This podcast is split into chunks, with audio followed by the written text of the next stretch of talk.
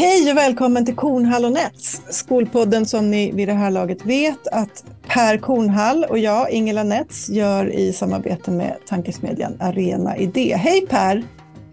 Hej Ingela! Det är ruskfredag på höstlovet. Vad har du gjort idag?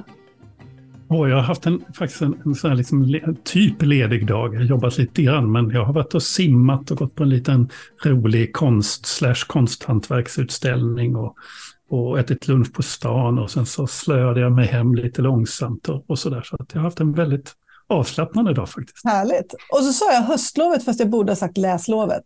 Exakt. Eller hur? Ja, men du kunde vi borde ju... ha etablerat det här. Men jag kunde också sagt, vadå, potatislov? Potatislovet, ja. Alltså, min mamma tillhörde ju den generationen som ja. blev utskickad på åkrarna. Det var ju därför det här lovet kom ja, till. Ja, man behövde ta upp potatisen. Så att man blev beordrad ut från skolan till mm. olika gårdar och så gick man där i leran och plockade mm. upp potatisar. Mm. Jag har inte tagit upp potatis, men jag har faktiskt tagit upp lite jordärtskockor i min trädgård. Det var trevligt. De blir det soppa av till kvällen. Um, ja, men, ni känner oss vid det här laget. Det här är vårt 81 avsnitt. Så att, uh, ni som inte har hört oss tidigare har några avsnitt att, att lyssna ikapp, vilket vi tycker att ni ska göra. Men hela poängen med vår podd är ju att vi har förmånen att få bjuda in människor som vi tycker är intressanta, kunniga, uh, har någonting viktigt, uh, relevant och intressant att säga om skola och skola i, i i någon sorts skärningspunkt också med samhället i övrigt. Så.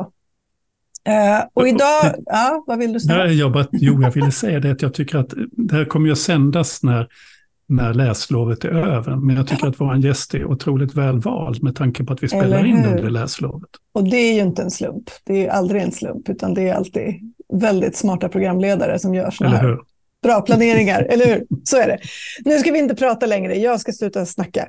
Vi har en gäst idag som eh, började som lärare, eh, men som också eh, har eh, skrivit en hel mängd böcker som är ledamot i Läsrådet, som eh, har jobbat som utredare på Specialpedagogiska skolmyndigheten, som är adjunkt och pedagogikdoktorand eh, inom lärarutbildningen och på Örebro universitet. Välkommen, min namne dessutom, Ingela Korsell. Tack så mycket. Kul att äntligen få eh, säga Ingela. Och vi ska säga Ingela många gånger Jajamän. idag. hela tiden.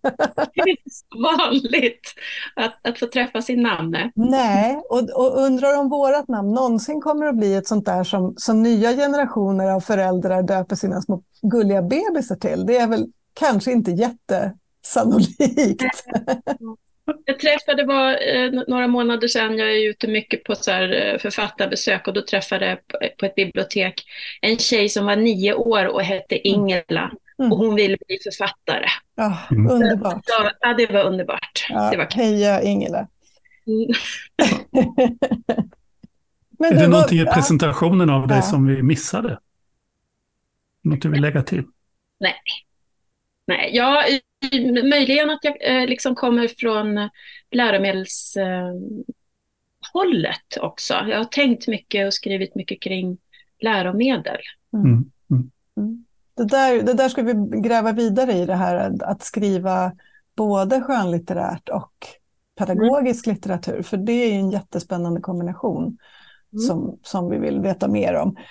Um, men berätta något mer om dig själv. Vad drömde du om när du var ung? När du var nio år och hette Ingela, var det författare du ville bli eller? Ja, det är en jättevanlig fråga som elever och barn brukar ställa ofta när jag är ute på författarbesök nu. Och då brukar jag svara så här, nej, eh, författare var bara en av alla saker som, som jag ville göra. Eh, det fanns, jag ville bli veterinär och skådespelerska, kioskägare eh, var populärt också, konditor och astronaut. Och, alltså det, jag, lärare och eh, författare var bara två av de saker som jag ville bli. Men eh, jag säger det lite medvetet också, därför att jag tycker att det är så många författare som säger att ja, jag har vetat hela mitt liv mm. att jag vill bli författare. Och, och Det ger ju liksom dem en chans att, ja, jag har ju inte alltid velat bli författare, men och alltså kan jag inte bli författare. Utan, eh, nej, precis. Utan, eh, ja, men så har det varit för mig. Jag har inte alltid velat bli författare, men däremot har jag alltid liksom älskat eh, berättelser och eh, läst mycket, blivit högläst för och eh, lyssnat och observerat liksom när, när eh, andra har berättat historier. Så jag har fascinerats av det. Och har väl alltid haft lätt för det här med fantasi och lekfullhet och kreativitet. Jag värnar den här äh, 11-åringen som bor i, i bröstet. Eh, den är jag rädd om. Mm. mm. Jag hade en farfar och farmor som, som, som liksom var så släkt, ehm, myterna, du vet, man berättar i släkten, så var det så att när barn inte, om barn inte började prata så skickades de till farmor och farfar. Därför att farfar var, eh, framförallt farfar, men farmor också, var en sån fantastisk högläsare. Så inget barn kunde liksom vara tyst. Eh, utsatt för, för den, här, den här fantastiska rösten och gestaltningen som skedde där. Och då var man tvungen att kontra. Så, så det var en mm. praktiskt sätt att få fart på ungar, att skicka dem till farmor och farfar. Om det här ja. är helt sant vet jag inte, men, men det är en bra historia. Min pappa högläste eh, för mig eh, och, min bror när, vi var små. Och han är också lärare och vi har många lärare i släkten ska jag säga, så det var många bra historieberättare. Men han läste också sådär, du vet, med knasig röst och, och tog olika karaktärer och eh, läste fel. Det, mm. det tyckte jag mm. var, var kul. Så att vi liksom rätta honom, för vi kunde ju historien ja. till och sådär. Där har jag försökt att, att komma ihåg och liksom ta till mig, både som mm. förälder och, och som, som lärare. Mm. Eh, berättelser och läsning och bjuda in liksom mm. den, eh, barnet i berättelserna. nu undrar jag, nu får jag två tankar i huvudet. Den ena är först, varför ville du bli lärare? Eh, det andra är, nu beskriver du lärare, flera gånger har du sagt lärare, i samband med berättare.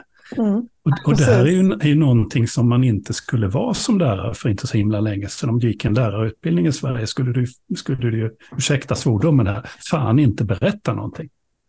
Eller? ja, då, då, tycker jag helt tvärtom. Jag, jag tycker att eh, berättelserna, alltså det finns ju fantastiska berättelser i, du som är NO och mattelärare, det finns ju fantastiska berättelser där också. Um, och med berättelser så menar jag inte bara skönlitterärt. Jag, jag liksom vill vurma för, eh, för faktaböcker och faktatexter och sammanhang och sånt där. Det, det finns ju olika sätt att, att eh, berätta på och gestalta och, på olika sätt. Sådär. Så att, eh, jag tycker absolut att berättandet har med läreri att, att göra. I alla fall en, en framgångsrik lärare, mm. tänker jag. Ja. Men, men då tillbaka till varför du blev lärare? Ja. Eh, ja, jag, jag, brukar skylla på mig, alltså min farfar och min pappa och min faster och eh, alltså vi är jättemånga lärare eh, i, i släkten så jag, jag, tror att jag är marinerad i, i det. Det blev ett, um, ett naturligt val um, för mig. Jag har ju svenska SO som inriktning. Jag gick ju i lärarutbildningen i Uppsala, blev klar 92 och då var det de här, när de här första 1 7 lärarutbildningarna eh, kom då. Och um, ja, det är ämnen som har legat mig varmt om hjärtat. Och där i finns ju mycket mm. Mm. Sen har jag ju skrivit många sådana berättelser som jag tänker att man kan, eh, eller böcker och skönlitterära böcker som, som jag alltid har tänkt liksom, att man kan använda i undervisningen på ett medvetet sätt. Det var så jag kom in på det här med läromedel också eh, för många år sedan. Hur, min tanke var då, hur arbetar man medvetet liksom med skönlitteratur i undervisningen? Vi har ju haft, den här, ja, vi har haft en lite konstiga situationen. Jag, jag, nu när vi pratar läromedel så måste jag ju sätta på mig läromedelsförfattarordförandehatten en liten stund. Alltså när vi nu i samband med att Gustav Fridolin fick ett utredningsuppdrag och alltihopa där så ville vi börja lyfta läromedlets roll i skolan. Och det blev så att, att det var som att folk fick sådana aha-upplevelser när de kom på att den mesta läsningen i skolan inte är skönlitteratur utan är faktiskt facktexter, är lärobokstext. Som att oj, jaha, så att om barn ska lära sig läsa eller ska få läsvana och sånt så är det inte bara liksom skönlitteratur utan det är faktiskt de här texterna de jobbar med varje dag i skolan som är viktiga. Eh, ja. Är det, alltså, men är det någonting du känner igen? Ja, verkligen. Jag, jag säger, jag upprepar gång på gång, glöm för guds skull inte faktatexterna. Och eh, för många barn, ska jag säga, så är det faktiskt ingången till att bli en läsare. Ehm, jag reagerar starkt på det där när, när man säger att eh, nej men jag läser inte böcker. Det hör man ju titt som tätt, mm. eller hur? Och vad menar man då? Mm. Är, det bara, är det bara skönlitterära texter som räknas då? Det är ju bara en liten, liten del av alla texter som, mm. som finns och som vi läser dagligen, jag menar i alla jobb. Det är ju, jag menar forskningsrapporter, nyhetstexter, eh, faktatexter, läromedelstexter, bruksanvisningar, spelanvisningar. Alltså jag kan ju hålla på i, i all oändlighet med, med, med, med texter. Skön, att läsa är inte bara skönlitteratur, det är en liten del av, mm. av läsning. Mm. Eh, men det har ju alltid varit så att skönlitteratur har högst status. Mm. Så att skriva skönlitteratur för vuxna har högst status. Och att skriva läromedel för barn har lägst status. Mm. är, det, är, det inte så, är det inte till och med så att om vi sätter en sån här skala så skulle vi ha dramatik och poesi först och sen ja. skönlitteratur och mm. sen kryper vi neråt här i, i skalan. Och mm. längst ner då kommer då den här eh, läromedelsförfattaren. Eh. Som skriver för barn. Ja, ja. ja absolut. Och, jag måste det där tycker jag är så spännande. Nej, Ingela, du får vänta. Eh, för då måste jag bara berätta, för det sånt här berör mig. Eh, jag satt ja. en gång, vi, vi delade ut ett pris till läromedelsförfattare och för några år sedan när jag var alldeles ny som ordförande så satt jag på en lunch bredvid två äldre kvinnor eh, som hade jobbat i mellanstadiet hela sitt liv och skrivit läromedel. Och en av deras många, många böcker, alltså, alltså det är ju så också att många läromedelsförfattare skriver enorma mängder böcker. Men en av deras många böcker hade kommit ut i 26 upplagor. Mm. Alltså, ja, alltså 26, och det handlar om alltså hur många tiotusentals barn som har blivit, lärt sig läsa, blivit påverkade i sin tidiga läsutveckling av de här två kvinnorna som inte riktigt förstod varför de fick pris. Om du förstår vad jag menar. Därför det är att de sorgligt, såg, ja, kan, man, kan man ju tycka. Och vilken, alltså en skönlitterär mm. författare med 26 upplagor på en bok skulle ju känna sig som, som king of the heap. Eh, mm. Ja, förlåt, nu är Ingela. ja, men det var, ja. det var en ganska bra ja, nej, men, eh, jag, jag, var med på, jag, jag var med på eh, förlagsfesten för natur och kultur för ett år sedan och firade 100 år. Och då var det en av eh, talarna där. Nu kommer jag inte ihåg hans namn, jag, har, jag är så dålig på namn. Eh, men eh, i talet så sades det att bara så att ni vet, det här är andemeningen av det, så är det läromedelsförfattarna som är loket i det här eh, bokförlaget. Det var vdn alltså, Per Almgren. Det är där 26 Ja. Mm. Det, eh, jag tror, folk glömmer bort det. Mm. Eh, att eh, läromedelsförfattare är om man, också om, om, man tänker upplagor och tryckta ex och, och sånt där. Men det, det, är som att det inte räknas. Men jag måste få, det, det där är så spännande att få, få, gräva lite mer i det där. För att vi har, nu har vi liksom berört det här statusen, alltså skönlitterära, de skönlitterära verken och, och författarstatus på något vis. Sådär. Det är ju för många en, en, liksom, en dröm eh, och någonting som är, är lite så här ouppnåeligt. Och så berättar du om författare som, som ibland kan liksom på något vis jag ska inte, jag, nu gör jag antaganden här, men att man lite grann själv förhärligar sin egen, liksom, att man har på något vis en medfödd förmåga då, att man, man har berättelser som man måste ge till läsarna. Så där. Eh, men, men, och så hör, hör jag dig redan nu, så här kort bit in i samtalet, hur du liksom eh, Ehm, på något vis har en väldigt hög medvetenhet om vem det är som ska läsa dina, det du skriver och, och varför. Och liksom att, som att ditt, om, om, om en, en sinnebilden av en författare har liksom ett ganska inåtriktat fokus mot de, de liksom inre berättelserna, så uppfattar jag att ditt fokus kanske snarare är mer utåtriktat mot, mot läsaren och mot läsningen. Eh, och, och liksom intresset. Så.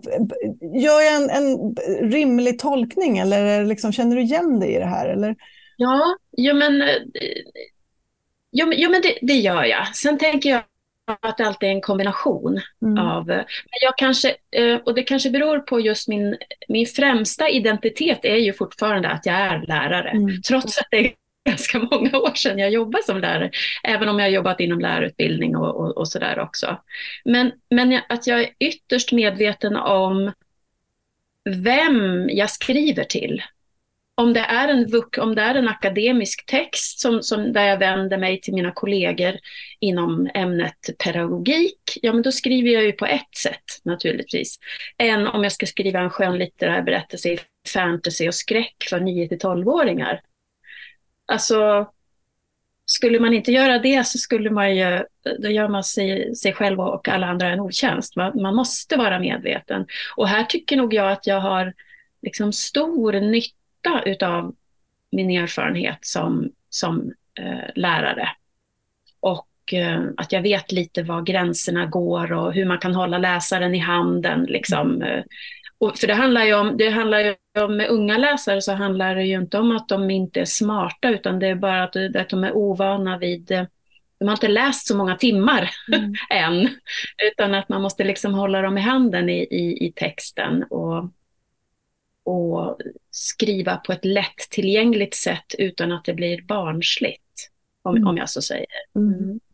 Jo, men jag, jag tänker alltid på vilka som är målgruppen. Mm. Jag tror att du rör vid någonting som är rätt intressant, Ingela. Jag vet ju att en av dina kollegor, Ingela, nu vet ni inte vilken Ingela jag pratar med om, men Eh, en av, en, om vi nu pratar författare-Ingela, att en av dina kollegor som är en av dem som lånas väldigt mycket på svenska bibliotek, som också har den här kombinationen av läromedel och, och eh, skönlitteratur och sånt.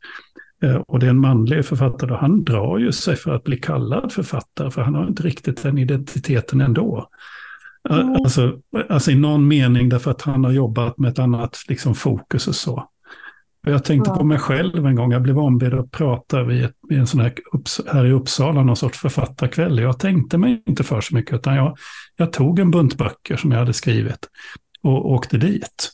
Och, och, min tanke, min enda tanke i huvudet var det att jag liksom la bok efter bok förklarade varför jag hade skrivit den. Och när jag kom till den liksom, ganska högt upp i högen så sa jag att här någonstans börjar jag känna mig som författare. Ja. Alltså därför att jag började få hantverksskickligheten och, och sådär. Men då inser jag helt plötsligt, då inser jag att de andra som var före mig och efter mig var rätt nya författare som hade skrivit en bok. Eh, gett ut ett poesiverk eller något sånt och som, som, liksom, som verkligen ville ha författaridentiteten. Som jag inte alls hade letat efter. Nej. Eh, Nej. Så, så jag, och jag tror att det kan finnas en skillnad där. Eh, ja. Ja. Men jag har ju heller aldrig liksom som vi började med att prata om. Det har ju aldrig varit mitt enda mål i livet att bli författare. Nu har det blivit så. och jag älskar det. det jag, jag, jag, vill hålla på med alla de saker som, som jag håller på med. Jag vill försöka liksom att jag har funnits på olika arenor och där man alltid skriver. Um, och skrivit i, i olika genrer, akademiska texter och te, alltså dramamanus för mina klasser. Och, alltså, eh, jag tror att det är härligt att få, att få vara en skrivande människa på olika arenor. Så. det är så, så jag tänker. Och som lärare är man ju absolut en skrivande människa. Men ni hör, jag återkommer hela tiden. Jag mm. känner det också. Att lär, jag är lärare först och främst. Mm. Det är min främsta identitet. Jag brukar säga just nu jobbar jag som författare på heltid. Ja, just det. Just det. det är skillnad att vara författare att jobba som författare. Ja. ja. ja. Nej, men jag, jag, känner väldigt väl igen det där. Men, men och där tappade jag tråden. Jag hade en sån bra ja, men Jag kan ta upp en annan tråd, för då måste jag få säga, eftersom jag är den av er som, eller den av oss tre som, som eh, inte alls eh, kan benämna mig författare, men som väldigt gärna skulle vilja. Jag drömmer ju om den där, liksom, att vara författare.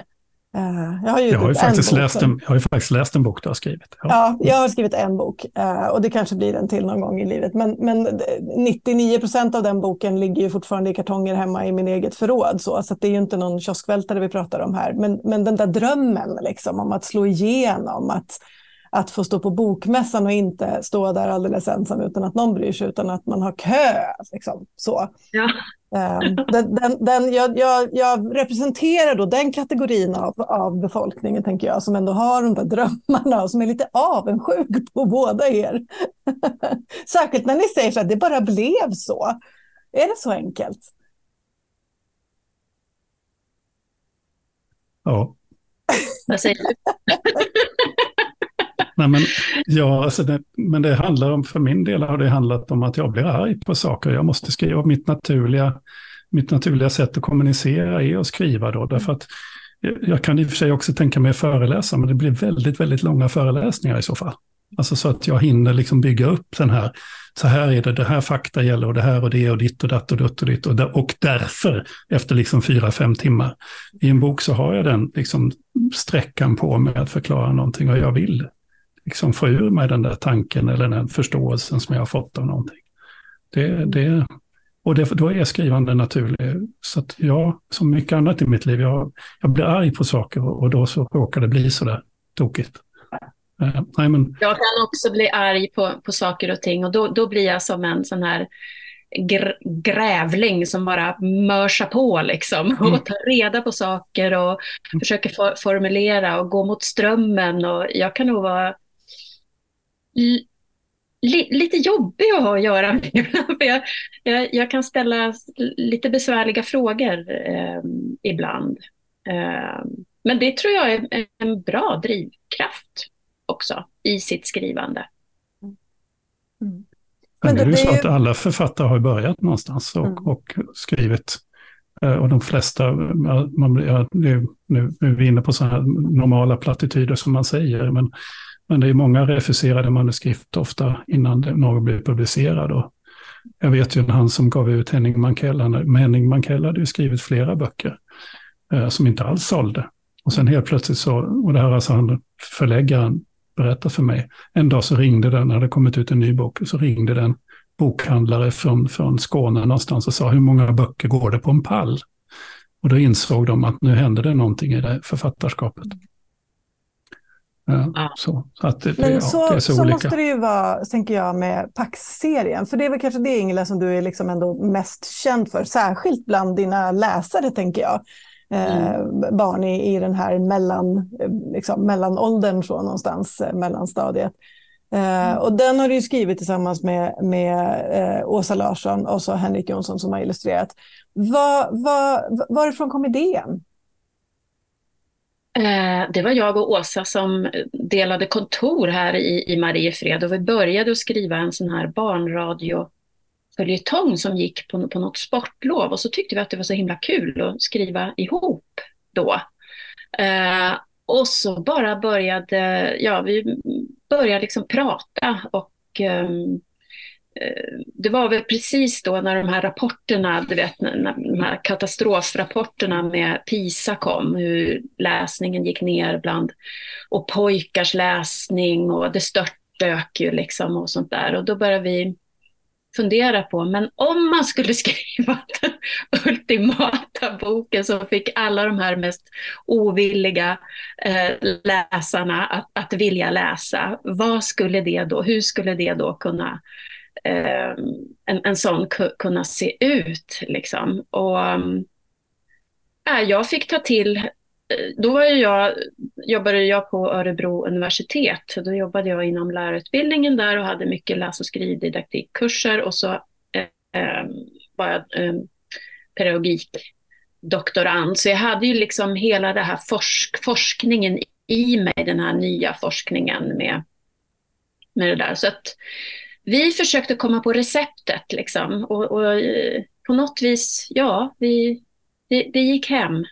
Och vi, vi, för, vi tänkte i många o, olika steg. Naturligtvis går ju det konstnärliga först. Liksom. Vi måste ju brinna för historien och för våra karaktärer och den dramaturgiska kurvan och, och sånt där. Men vi försökte också ta till en massa författarknep, liksom, med massa cliffhangers. Med, eh, vi försökte locka in dem med skräck och spänning. Eh, vi låg lite på gränsen för vad... Vi, vi skruvade upp skräckfaktorn. Det var, vi ville verkligen... Men Vårt motto var så här att vi skulle skrämma skiten ur dem, våra läsare. Eh, helst skulle böckerna hamna på förbjudna hyllan nästan och att eh, lärare och föräldrar skulle förfasas eh, hur skräckigt det var. Sen så smög vi in liksom, vi lockade in dem med skräck och spänning. Men sen så smög vi också in ett socialrealistiskt spår i, i berättelsen som handlar om två bröder som kommer till Mariefred som är fosterhemsplacerade, eh, som har en alkoholiserad mamma. Det, det är mobbning och, och utanförskap och, och Viggo, en av huvudkaraktärerna, har jobbigt med läsning. Liksom. Han gör allt för att slippa och, och, och läsa. Och ändå är det, handlar det om ett magiskt eh, hemligt bibliotek. där de ju ändå måste läsa. Bibliotek står ju för någon slags kunskap då, som, och där hela intrigen det går ut på att de ska skydda då det här magiska hemliga biblioteket från en massa ondskefulla väsen som, som vill ta över det. Så, ja, och vi försökte få till ett lättillgängligt språk med korta kapitel, med lite inblandat med bilder. För att läsaren, liksom också, de här ovana läsarna ska få stanna upp, få en liten paus, titta på bilden, vara kvar i känslan. Det är mycket med hur, ja men liksom eh, luftigt eh, i texten. Alltså det är många komponenter att, att tänka på. Vi tänkte också att eh, hela boken liksom skulle sluta som en enda stor cliffhanger. Bara, ungefär som tv-serier mm. gör. Att man, slutar, man slutar. Och det vet jag att i, det hade vi lite svårt att få igenom först. Det var många, som, många vuxna som, som protesterade. Så kan man inte sluta en barnbok. Um, det var också flera vuxna faktiskt, vilket förvånade mig, som protesterade mot att vi använd, hade svordomar i böckerna. Det här var de första böckerna, Pax-böckerna kom ut 2014, det är snart tio år sedan. Men jag trodde verkligen att det var känsligt, men jag får fortfarande um, frågor på, på det. Men du vet, om de slåss på skolgården så kan det hända att någon av dem svär. För mig är det helt oproblematiskt. Det handlar ju om att, att det skulle vara trovärdigt att de fick prata, att karaktärerna inte fick vara så präktiga utan de fick prata som, som de gör. Eh, Eh, ja, men vi, vi försökte verkligen ta till alla, all, all vår kunskap eh, som författare med författarknep men också med den forskning som jag hade i, i, i ryggen då och, och med, framförallt min eh, erfarenhet av, av att vara lärare, vad som funkar i klassrummet, vad de går igång på. Så. Eh, och så försökte vi och sen ska jag lägga till att sen hade vi ju ett jättespännande projekt med eh, Pax-provläsarklasser här i Mariefred. Alltså min senaste läraranställning det var ju på Marie, Mariefreds skola. Där jag jobbar som mellanstadielärare. Och jag frågade helt enkelt mina gamla kollegor där, skulle ni vilja vara med på den här Paxresan? Vill ni vara med och provläsa manus och tycka till om omslag och bilder och, och allt vad det nu innebär? Och, och det ville de ju. Så att eh, de fick verkligen vara med och jag var där, i alla fall minst en gång på termin och hade textsamtal med dem om texterna och bilderna och de gjorde en massa skriv och läsaktiviteter kring de här böckerna.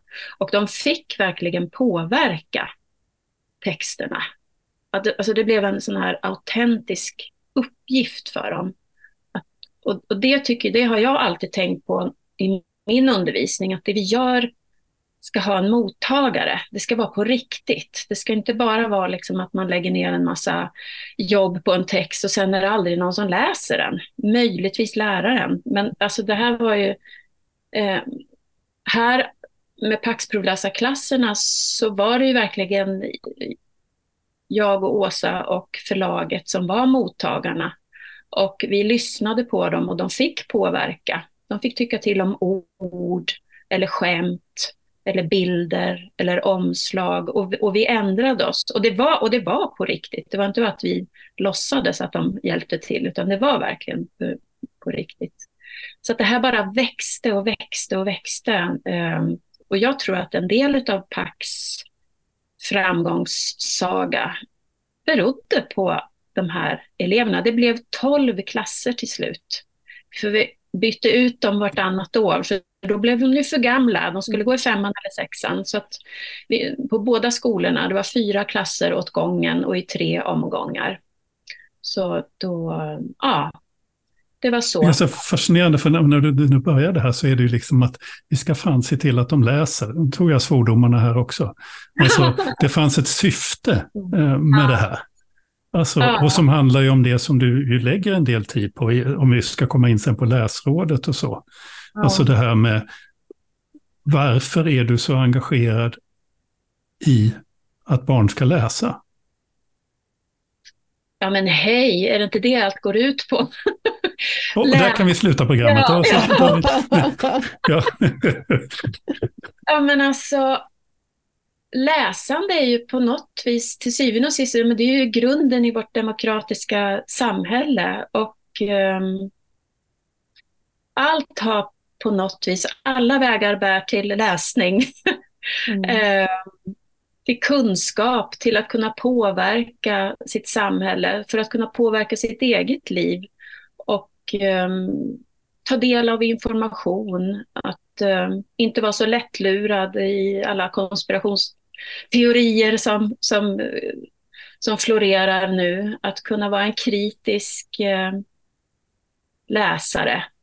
Det fanns, ju en professor, det fanns ju en professor nere i Småland, någonstans, tror jag var på Linnéuniversitetet, som menade att Nej, men nu har vi ju talsyntes och så, och vi behöver inte ha några som kan läsa, vi kan bara ha, få all text uppläst och, och så. Ja, men någon måste ju skriva texterna. Aha, tänker så. ja, men eller hur? Eh, jag menar, AI bygger ju på att någon eh, på mm. texter mm. som några har skrivit. Någon måste ju fylla på i någon mm. ände. Mm. mm. Annars där, utvecklas ju inte samhället. Där håller vi på att få ett nytt, ett nytt eh, verb i svenskan, tänker jag, som är prompta.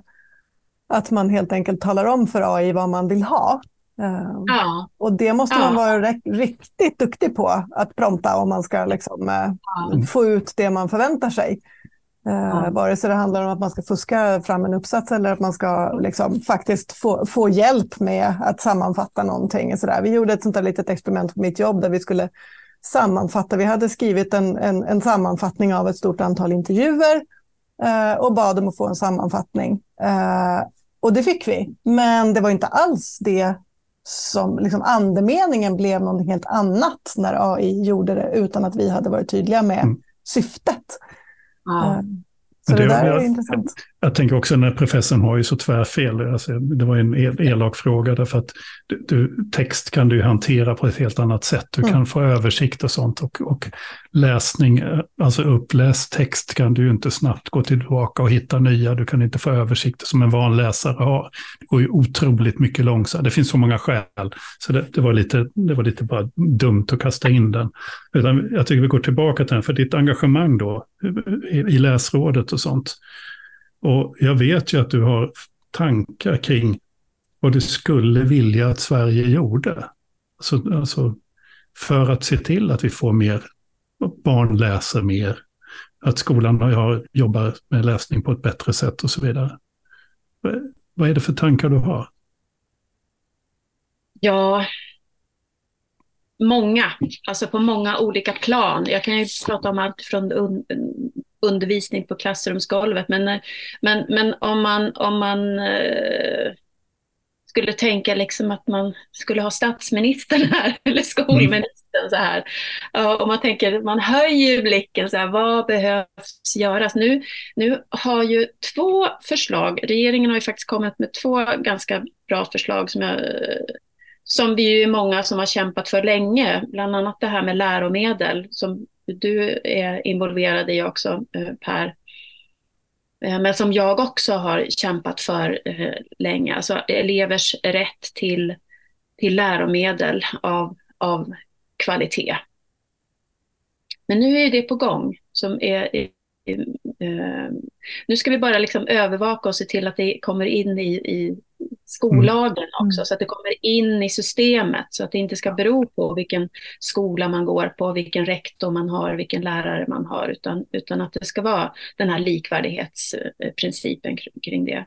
En för, annan... den, för den lyssnare, jag bara kan ge en upplysning, att för den som lyssnar så, så ska enligt, upp, enligt riksdagens kalendarium ska en lagändring som ger elever rätt till läromedel Eh, det är väldigt konstigt att säga att det ska behövas, att det inte finns redan i lagen. Men den 19 december ska de uppenbarligen klubba det lagförslaget. Eh, Så det börjar gälla från och med nästa år.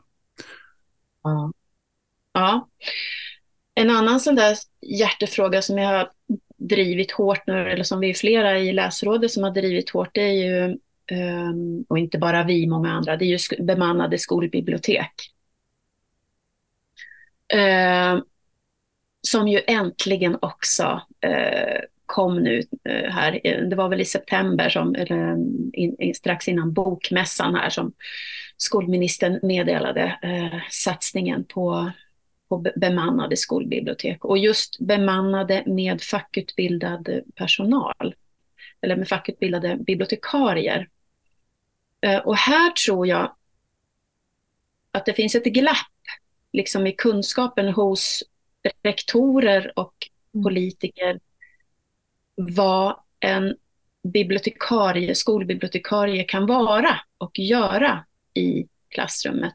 Det, det är ju beforskat och redan bekräftat att som elever där det finns eh, skolbibliotek eh, med eh, fackutbildade bibliotekarier. De läser mer, de får större ordförråd, de lär sig mer och det, finns, det, det är liksom klarlagt så här. Men här tror jag att det finns en kunskapslucka hos, hos rektorer, att, att de inte förstår vad, hur viktig en bibliotekarie kan vara. Det är ju en, en ny, en ytterligare en kompetens som kommer in i klassrummet och som kan eh, komplettera och, eh, med, med, sin professional, professionalitet. Ehm, och eh, att eh, den här skolbibliotekarien ska ingå i arbetslaget i, i, eh, bland lärarna. Att skolbibliotekarien ska ha rektor som chef, alltså inte kultur, ska inte tillhöra folkbiblioteket.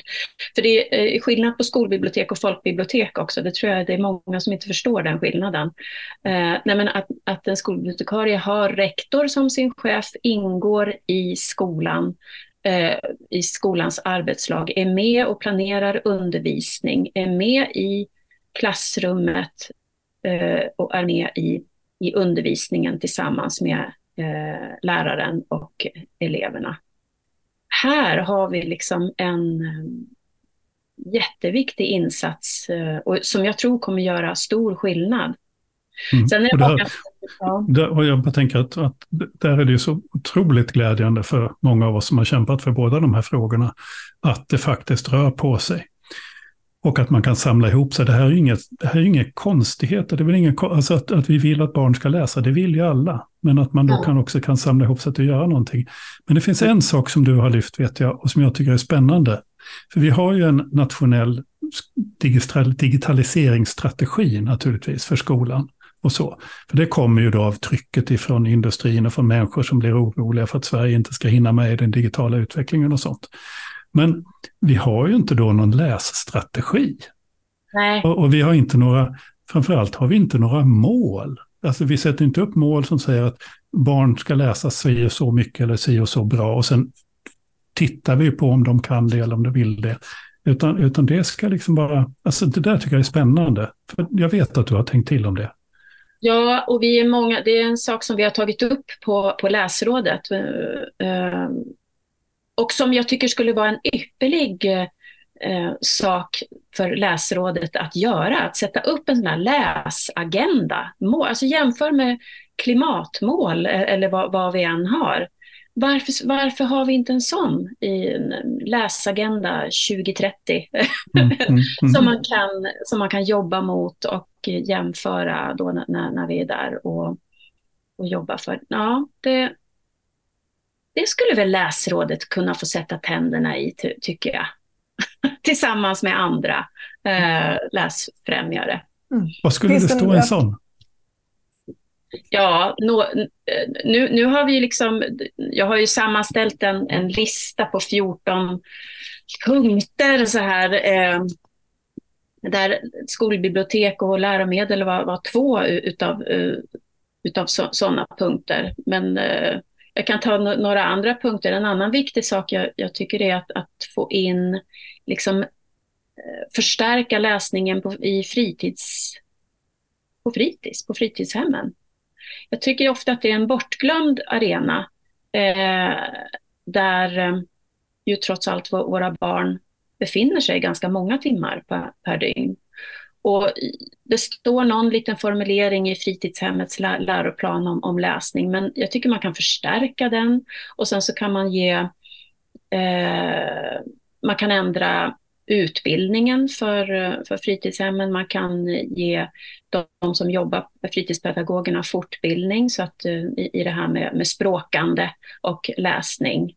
Eh, och också att läsning på fritids fritidshemmen då kunde bli, det är ju en plats som är fri från bedömning som ju mm. skolan är. Skolan är ju en arena för att allting ska bedömas he hela tiden. Vilket är ju en styggelse i sig. Men, men ja.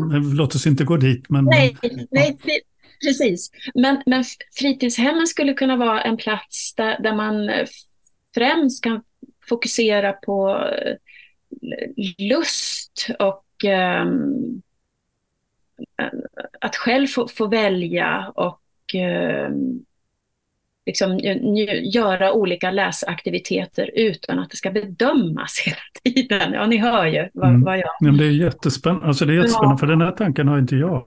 Jag har inte hört den, men, men, men för då tänker jag liksom koppling fritids skolbibliotekarien. Exakt. Det är ju jätte, jättespännande. Exakt. Jag kan, jag kan ju få berätta då att jag faktiskt anställde, när jag blev rektor första gången och startade en ny skola, då anställde jag en person som var, jag hade ju tur att hitta den människa som var både skolbibliotekarie och fritidspedagog. Mm, mm. Eh, så jag hade den kopplingen självklar, eh, vilket var mm. jätte, jättebra. Mm, mm. Men jag måste, jag, måste, jag måste få vara lite så här, eh, lite bråkig då. Eh, barn tillbringar mycket tid i skolan, ja, men de tillbringar ju mycket mer tid eh, hemma liksom, och fritid under, under de här uppväxtåren, så att säga, totalt sett. Um, och, och barn, jag menar, du, du inledde med att berätta Ingela att du har, du har blivit högläst för under din uppväxt. Jag har också blivit högläst för under min uppväxt. Det är väldigt många barn som inte blir det. Alltså, kan, kan skolan rädda läsningen? Eller, eh, alltså för vi har kanske en föräldrageneration nu som inte självklart läser. Jag ser oroväckande många sådana här inlägg i, i, jag tycker det är kul med inredning, där folk frågar sådär, vad ska jag ha i min bokhylla? Jag har den som en snygg inredningsdetalj, men jag förstår liksom inte grejen med böcker, för jag läser inte. Alltså hur ska, hur ska vi hur ska vi få unga vuxna att, att börja läsa så att de läser för sina barn? Mm. Jag tror att de här senaste rönen nu som kom med, med skärm, det kan nog sätta eld i, i baken på många föräldrar, för vi vill ju, vi vill ju alla, alla föräldrar vill ju sina barns eh, bästa. Jag hoppas och tror att, att, att det kommer nu en riktig skjuts med det här med, med, med pappersböcker och att man läser och, att, och, och, och inte bara för barn som du säger, utan även vi vuxna. Det, eh, nej men absolut. Eh, hemmet, var man kommer ifrån. Föräldrars utbildning och allting sånt där spelar ju större och större roll. Mm. Och hur mycket man blir läst för, det hänger ihop med eh, föräldrars utbildningsnivå, liksom, vilket ju är, är tragiskt. Klyftorna och segregationen eh, har ökat enormt de, de senaste tiden. Men, ja, det skulle jag... Mm. Jag skulle bara vilja säga att det är just därför som skolans roll är, är den absolut den viktigaste här. Vi kan ju tycka vad vi vill om varför föräldrar beter sig, men det kan vi inte påverka. Men som samhälle kan vi och har det uppdraget och ska se till att nästa generation är rustad att, att vara demokratiska och läsande medborgare. Så oavsett om, om föräldrarna sitter framför skärmar, just därför eh, kanske vi då ska jobba mycket mer med läsning i skolan.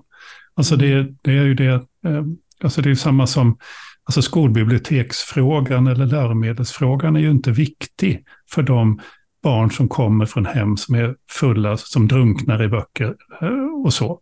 Utan det är ju just för de barn som, som inte har, alltså kommer från hem utan böcker. Mm. Det är ju där läroboken blir liksom jätte, jätteviktig. Det är ju där som skolbibliotekarien och skolbiblioteket blir jätteviktigt. Att... Just det här kompensatoriska uppdraget och likvärdigheten, det, det som vi tjatar om så, så himla mycket, det, det är ju här det, det kommer in. Och det, mm. ja, en annan sak som jag tycker är viktig att lyfta också, det är ju att, och det har väl med status att göra också det här med barn och läsning. Det är att alla är ju så rörande överens om hur viktigt läsning är, att barn läser, att vi får igång och läsa. Men då måste ju det också avspeglas i vad som lyfts fram i medier, tidningar, priser, eh, tv-kanaler och, och allting sånt där. Jag, jag, jag tyckte att det var, jag, det var jättebra att det var sex eh, eh, på, på, sex olika dagstidningar va, så var det väl kultur, de som hade skrev om kultur eh, hade något debattinlägg om eh, hur viktigt det var att, att, barn läste.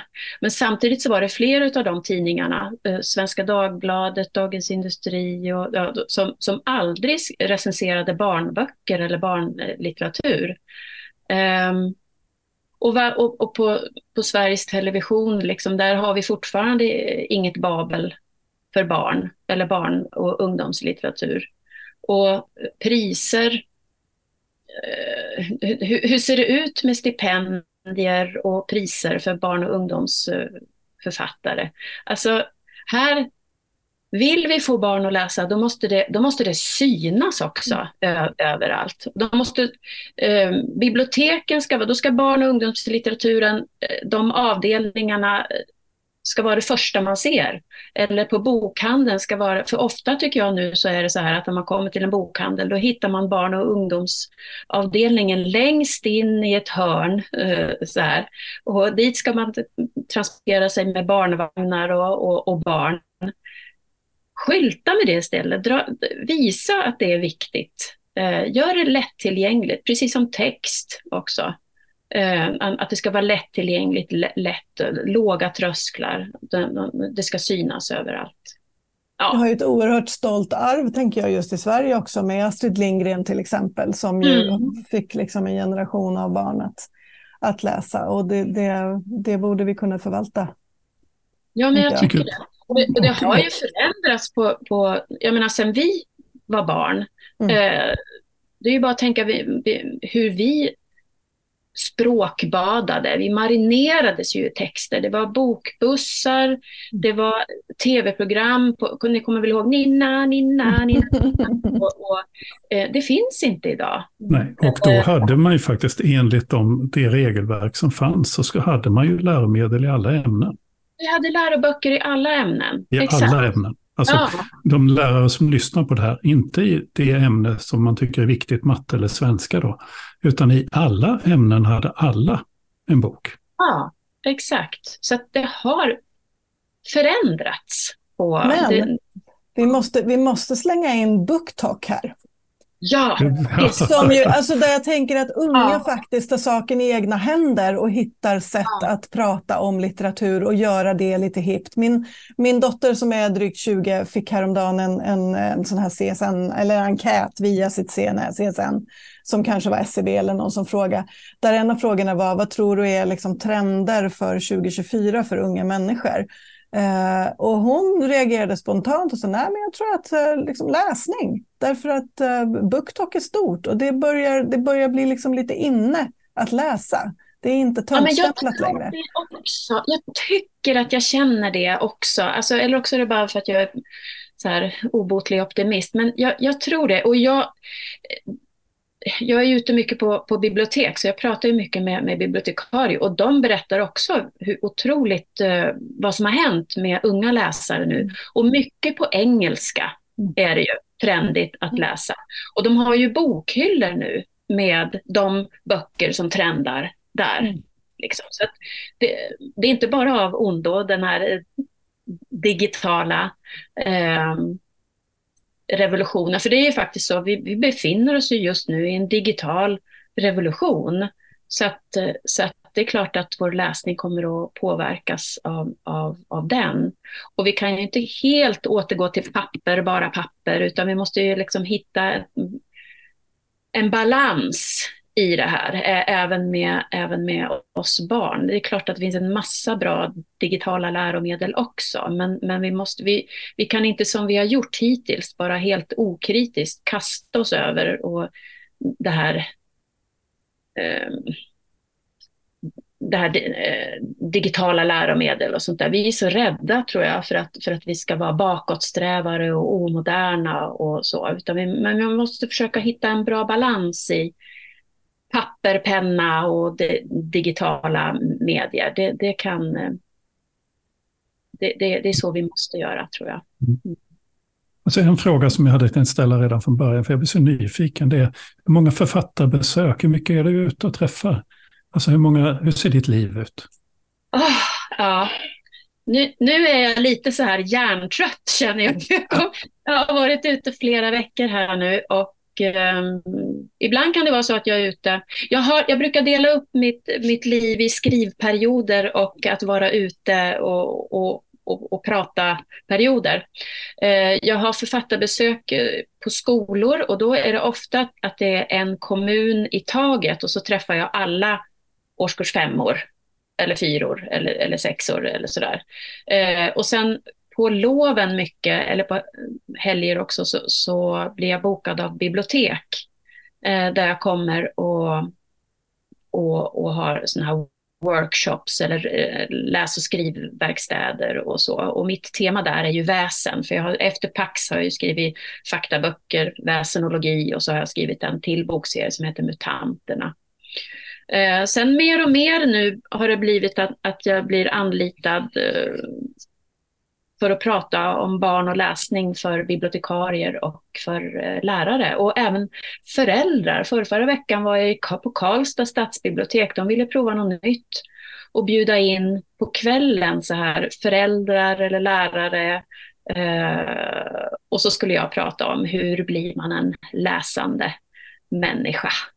Eh, det kom ganska många faktiskt. Det var något 30-tal. För, för de visste inte, jag visste inte så här, kommer det några? Mm. Hinner man gå på sånt här om man är småbarnsförälder och ska hämta på fritids och sådär. Men det kom och många lärare förstås eh, och förskollärare, men också en hel del föräldrar. Um, ja, så ser mitt liv ut. Jag är ute väldigt mycket och, och pratar, eh, både för barn och för vuxna. Och däremellan så skriver jag och eh, är med på läsrådets möten. Mm. Mm. Vi måste väl börja avrunda, tänker jag. Ja, vi måste väl det. Men vi, vi, ja, precis. Det går fort när man har roligt. Men eh, vad läser du själv? Ja, jag är jag är allätare när, när det, det gäller. Det är ett sånt här uh, klyschigt svar, men jag är verkligen det. Jag är med i en bokcirkel Um, eh, senast så läste vi Modersmjölken. Uh, oh, alltså det är så roligt att vara med i en bokcirkel och verkligen få gråt. Och där är vi allihopa. Vi pratar verkligen boken så här eh, på, på, varje möte. Det, det, är oerhört spännande. Jag läser eh, sån här forskningsrapport antingen om väsen eller om läsning. Eller eh, ja, jag, jag läser eh, serier. Um, ja, men allt möjligt. Jag läser barn och ungdomslitteratur, försöker hålla mig eh, ajour där. Jag lyssnar mycket på poddar när jag är ute med hunden. Eh, ja. jag, eh, och ljudböcker naturligtvis. Gott och blandat blir det mm. verkligen. Jag går på mm. lust. Mm. Mm. Vad läser ni? Jättebra för det var precis min fråga. Jag tänkte vi kan gå laget runt här. Vad läser du just nu, Ingela? Jag läser eh, väldigt mycket eh, engelsk liksom, eh, facklitteratur kopplat till att jag ju läser en, en masterkurs och eh, ska skriva själv och eh, behöver liksom läsa in mig på olika områden, vilket är jättespännande. Men jag har också precis läst Sasha Filipenko eh, en bok som heter Röda Korset. En liten, liten bok. Den tar bara ett par, tre dagar att läsa, men den är fantastisk. Jag, jag dras av någon märklig anledning till alltså öststatslitteratur och berättelser om, om krigsåren. Liksom. Eh, och de mm. känns ju högaktuella just nu med, med Ukraina-kriget och liksom Rysslands eh, väldigt eh, absurda beteende liksom, på många sätt. Så det, ja, den, den rekommenderar jag varmt. Spännande, för jag har också läst om att, att, de, att de betedde sig likadant nu som de gjorde då. Mm. Mm, precis, ryska militärer. upprepar sig. Ja. Ja, det var väldigt kusligt. Ja. Eh, jag är också en sån där som läser, jag läser ju allt, jag brukar säga att jag läser ju allting som, som innehåller bokstäver. Så. Den vad jag inte gör är att lyssna på ljudböcker. Jag tycker det är vansinnigt tråkigt. Jag, mm. jag börjar tänka på någonting annat och så missar jag ett halvt kapitel och sen så. Det, poddar kan jag lyssna på eh, om jag är intresserad av ämnet. För det, där blir det en annan, liksom, det gör inte så mycket om man missar en bit helt enkelt. Annars läser jag allt, alltså allt med bokstäver. Jag blir så full i skratt, du sa serie. Jag, jag har en bunt gamla seriemagasinet som jag liksom, hit, går jag på loppis hittar seriemagasinet eller något sånt där. Eh, Modesty ja. Blaze och sånt där. Jag kan ja. tycka, jag läser jättegärna gamla Biggles-böcker och jag läser, håller på, men jag läser också då, eh, alltså konstig, eh, konstig modernistisk litteratur och sådär. Så att det är liksom, senast så blev jag ju helt knockad av, av eh, inledningskapitlet i Kerstin Ekmans Min bokvärld. Vi läste ju hans Löparvarg i våran bokklubb. Eller hennes mm. Löparvarg i våran bokklubb som är bara en, det är så underbar bok så man blir helt tagen av att man är så skicklig. Apropå det att det finns de som verkligen är författare, alltså som, är, mm. alltså som har någonting som är utöver vad vi andra dödliga har. Men första inledningskapitlet i min bokvärld var också sådär, det kan man bara, det är sånt där man bara kan skriva när man är 80 år och har skrivit hela sitt liv. Mm. Ja. Eh, så, ja. Ja. ja, det, är något, det är något magiskt med, med att läsa. Ja, eh, det är det. De, de världar som man kliver in i, liksom. så är det.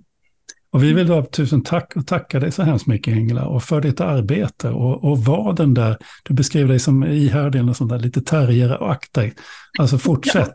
Ja. För det grävling. Vi. vi. kan hjälpa till, vi, vi grävlingar, vi, vi, ja. vi, biter till det krasar helt enkelt. Ja, ja, det ja. Mm. Tack för att jag fick eh, vara med i den här podden. Det, jag är så glad att jag har hittat er podd. Jag har lyssnat på jättemånga avsnitt. Eh, äntligen ett sånt där riktigt seriöst, en seriös podd som tar de här frågorna på allvar.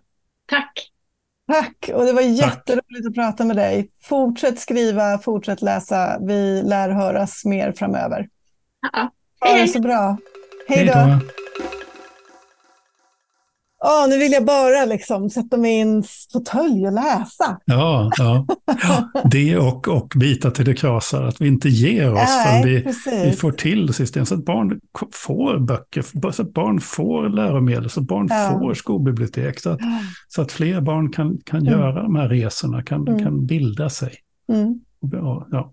Mm. Mm. Och jag fick plötsligt en sån där Jag är ju liksom, jag har, jag har precis, jag har ju vuxna barn eh, som läser. Eh, sen har jag precis fått ett barnbarn och det dröjer väl i alla fall något år innan vi kan börja läsa. Jag har redan en hel hög med böcker som vi ska läsa, jag och Alfred.